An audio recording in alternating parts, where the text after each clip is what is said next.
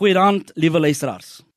In 'n preek oor die Skepper en die skepping van God, wys die prediker na Francis Collins, 'n briljante, wêreldberoemde medikus en genetikus. Hy het die span wetenskaplikes gelei wat die menslike DNA ontrafel en beskryf het. Dit is 'n enorme wetenskaplike prestasie. En dan haal die prediker aan van Collins se geloofsreis en sy pragtige boek wat hy geskryf het, The Language of God.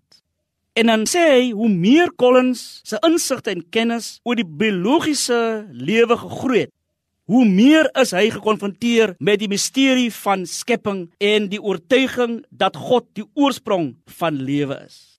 C.S. Lewis sê ook dat God die een is wat die skepping nuwe lewe gegee het en dat hy die een is wat met mense se lewens bemoeienis maak.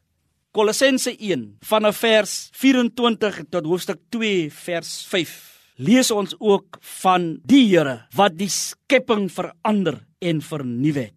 Die God wat die lyding en verdrukking ter wille van ons verduur het.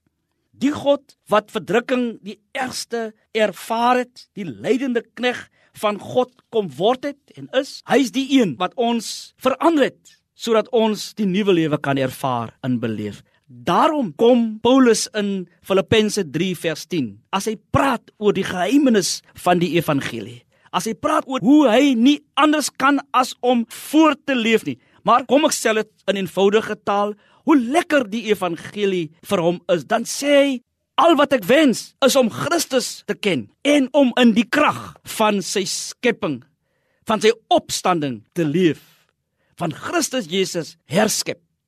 Christus Jesus maak nuut. Christus Jesus help dat ons kan leef en voort kan gaan al lyk omstandighede vir ons hoe ook al. God is daar vir ons.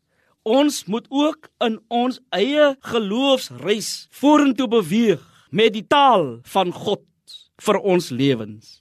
Sy skepping, die Skepper God, het die skepping so vernuwe en so verander dat ons die heerlikheid van God daar uit kan ervaar en beleef.